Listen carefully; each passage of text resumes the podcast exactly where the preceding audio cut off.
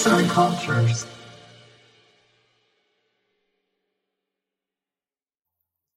Merhaba sevgili dinleyenler.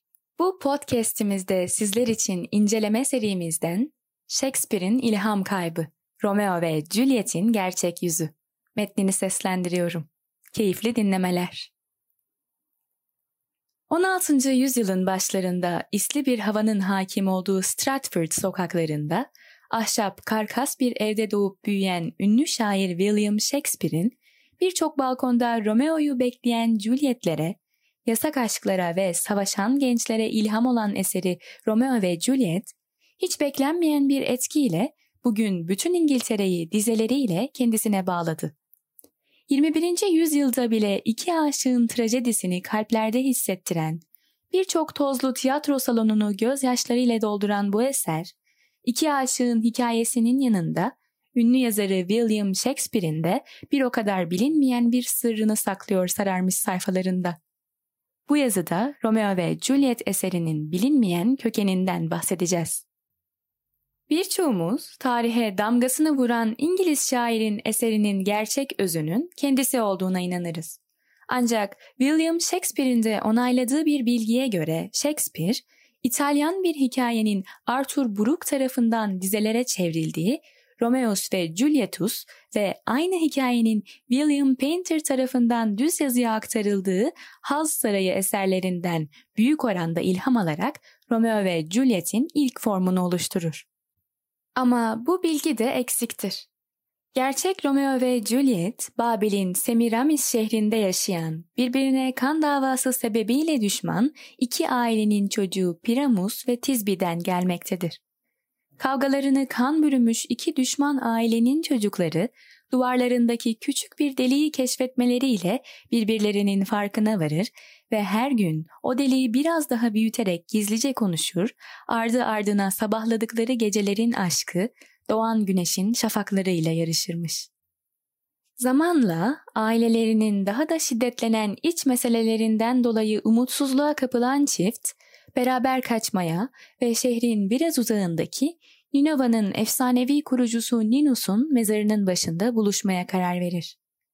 Piramus'u beklerken sabrına yenik düşen Tizbi erkenden varır ve ağzında kanlar içindeki avıyla bir aslanın sevgilisini beklediği konuma yaklaştığını görür. Tizbi korkar ve pelerinini ardında düşürerek ağaçlara saklanır. Aslan yemeğini bitirince Tizbi'nin peleriniyle oynamaya başlar. O sırada buluşacakları yere varan Piramus, onun kanlar içindeki pelerinini görür ve aslan tarafından öldürüldüğüne inanır. Bunun üzerine kendini kılıcıyla öldürür. Bir süre sonra ortaya çıkan Tizbi ise gerçekleri gördüğü zaman kahrolur ve sevgilisinin peşinden aynı kılıçla bu diyardan ayrılır. Onların acısı sonunda tanrılar da dahil olmak üzere herkesi üzüntüye boğar ve bu iki aileyi barıştırır. İşte bu Romalı şair Ovid'in milattan sonra 8. yüzyılda tamamladığı eseri dönüşümlerde yazılmış bir mitolojik öykü olan ilk Romeo ve Juliet'tir. Her şeyin kökeni olan Ovid'in mitolojik öyküsü Piramus ve Tizbi'den yüzyıllar sonra günümüzün Romeo ve Juliet'ine birçok benzerlik taşıyan Mariotto ve Giannozzo adlı kısa hikayede Masuccio Salernitano tarafından 1476 yılında Sienna'da yazılır. Salernitano'nun eserinin üzerinden daha bir asır geçmeden Luigi da Porto, Giulietta e Romeo adı altında 1524 yılında aynı hikayeyi tekrar yazar ve 1531 yılındaysa Venedik'te ilk defa yayınlayarak günümüzün Romeo ve Juliet formatını oluşturur. Matteo Bandello 1554 yılında Giulietta e Romeo'nun kendi versiyonunu ikinci romanı olarak yayımlar ve 1562 yılındaysa Romeus ve Juliet'in trajik şiiri Arthur Brooke tarafından çevrilir. Arthur Brooke'un çevirisi ise günümüzün en kabul gören versiyonuyla Shakespeare'in kaleminde evrimini tamamlar. Önemi eserin ince detaylarında saklı olan bir konuysa eserdeki karakterlerin hareketlerinin altında yatan edebi anlamlardır. Bunların başında çok fark edilmeyen ışık oyunları gelir. Rosaline olan aşkından kahrolan Romeo, Capuletlerin balosuna katıldığında Juliet'i görür ve ilk bakışta dünyası değişir. Parıldamayı öğretiyor bütün meşalelere. Sözleri yuvarlanır ağzından. Romeo için Juliet, doğudan yükselen güneştir.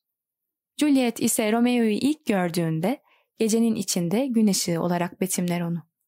Her iki sevgili de birbirlerini göz kamaştıran bir ışık olarak görmektedir ve ikisi de daima karanlıkta olduklarından bu betimlemelere sığınırlar. Birbirlerinden bahsederken gökyüzünü aydınlatan o yıldızlara benzetirler sevgililerini. Romeo, Juliet'i gece gelen ama ışık getiren olarak tanımlar. Işık oyunlarıyla sözleri ise bir noktada kesişir. Romeo'nun Juliet'i gördüğü balo alanı meşalelerle aydınlatılırken duvara loş bir ışık vurur. Romeo ve Juliet ikinci kez loş ay ışığında karşılaşır. Bir sonraki buluşmaları ise evliliklerinin adımı olan Rahip Lawrence'ın loş hücresindeki nişanlarında olacaktır. Evlendikleri günün gece yarısı Juliet'in odasında loş bir mum ışığı vardır. Ay ışığı gölgelerse parlaklıklarıyla meydan okur. Bu ışık oyunları yarı karanlıkta yaşanmış birlikteliklerini tatmıştır ve bu nedenle gelecekleri olmayan genç aşıkların tragedyasının varoluşunu simgeler. Dönemin İngilizcesi ile günümüz İngilizcesi arasındaki fark ne kadar belirgin olsa da Shakespeare o dönemde bile iki anlam taşıyan sözcükleri büyük bir ustalıkla eserlerinde kullanmıştır. Bu da bize bir örnek olan şu dizeleri sunar. Dudaklarım, bu iki utangaç hacı, yüz sürüp mihrabına, hazırdır bu kaba teması nazik bir öpüşle yumuşatmaya. Bu dizeler Romeo'nun içten hislerinin dışa vurumudur. Romeo'nun titreyen dudaklarının öpüşüyle bir hacının kutsal bir objeyi öpüşü benzetilir ve bu benzetmeyle Romeo, Juliet'i bir yarı tanrı olarak görürken kendini onun kayıp bir müridi olarak tasvirler. Kutsal mihrabına hassas bir öpücüğü tutkuyla kondurmak isteyen. Bir başka örnekse tıpkı onun gibi kapanacak gözlerinin panjurları dizelerinde yatar.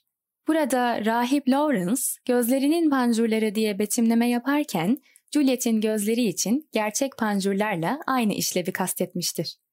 Panjurlar açıkken dış dünya hakkında görüntü ve bilgi sağlarken kapalıyken nasıl mahrum kalınıyorsa zehri içmesi ve gözlerinin kapanmasıyla da etrafında olanları fark etmekten ve gözlemlemekten mahrum kalır Juliet. Yazıda son olarak değineceğimiz konu Romeo ve Juliet karakterlerinin edebi dizeler altında gizlenen psikanalitik kişilikleridir. Romeo aşık olma düşüncesine aşık bir bireydir. Çekici güzellikte bir kız gördüğü zaman onun kişiliğine dair en küçük bir ipucu olmasa dahi ona aşık olduğunu ilan eder. Romeo güzel biriyle aşk yaşamak ister.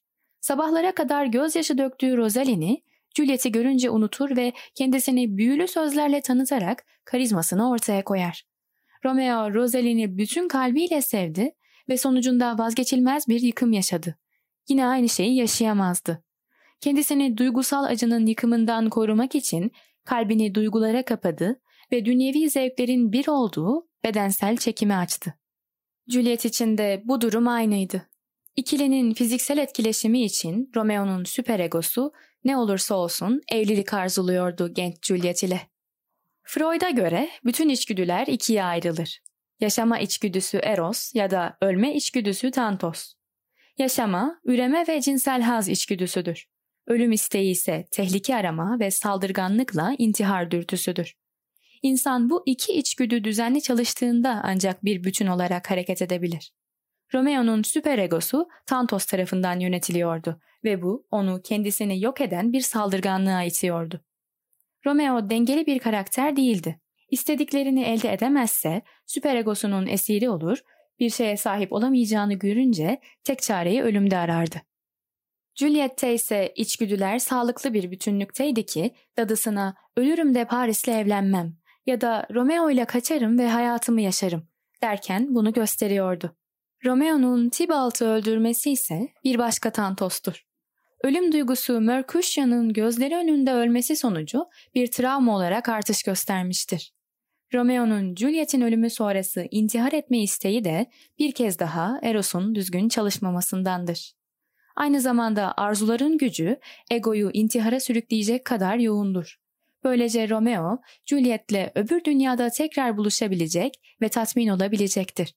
Juliet'in kendini öldürmek istemesi de süperegosu yani pişmanlık yüzündendir. Bu, ölümün yaşama sevincine karşı kazandığı bir hikayedir. Tüm yaşananlara bir başka açıklamaysa bulundukları yaş ve hayat koşullarına bakılarak getirilebilir. Juliet henüz 13 yaşında olgun olmayan bir karakterdi.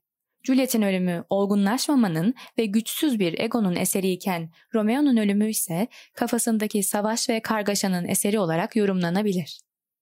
Romeo ve Juliet, içgüdülerin sağlıksız dışa vurumunun ideal örneğidir. Romeo ve Juliet'in hikayeleri arzu ve ölüm hikayesidir. Olgunlaşmamış egoyla süperegonun çarpışmasının bireysel hayatı nasıl yok edebileceğinin göstergesidir. Plansız ve umursamaz bir şekilde dünyaya karşı gelmeye çalıştılar ve acımasız hayata karşı hazırlıksız kaldılar. Peder Lawrence, gençlerin aşkı için bir umuttu hikayelerinde. Romeo'nun Juliet'e olan aşkı ve cinsel çekimi, Peder Lawrence'ın planını öngörmesine engel oldu. Bütün hepsini bir araya toplayacak olursak, bu hikaye bize arzularımızı kontrol etmemiz ve adımlarımızın sosyal normlara uygun olmasına özen göstermemiz gerektiğini gösterir. Bireyler içgüdülerle atılan adımların sorumluluklarının farkında olmalıdır. Çünkü Tantos'un Eros'a karşı zaferi, insanlık tarihinde hep kötü sonuçlanan bir şey olmuştur. Yazı boyunca tüm anlatılanları bir araya topladığımız zaman Shakespeare'in eseri yüzyıllar ve hatta bin yıllar önceki bir başka kökenin evrimler sonucu kendisinde son halini bulmasıyla biterken toplumların, bireylerin, asla kavuşamayan aşıkların farklı toplumlarda hep aynı acının mağduru olduğuna bir kez daha netlik kazandırır. Her bir esere dikkatle bakıldığında hangi yüzyıl veya hangi kültür olduğuna bakılmadan ulaşılan tek bir sonuç vardır. Bireyler arzularına ve hedeflerine sağlıklı ulaşmak için içgüdülerin esiri olmak yerine onlara hükmetme yetisine sahip olup mantığın gücüyle karar vermelidir. Yazan Doğukan Ejder, seslendiren İkbal Gülsoy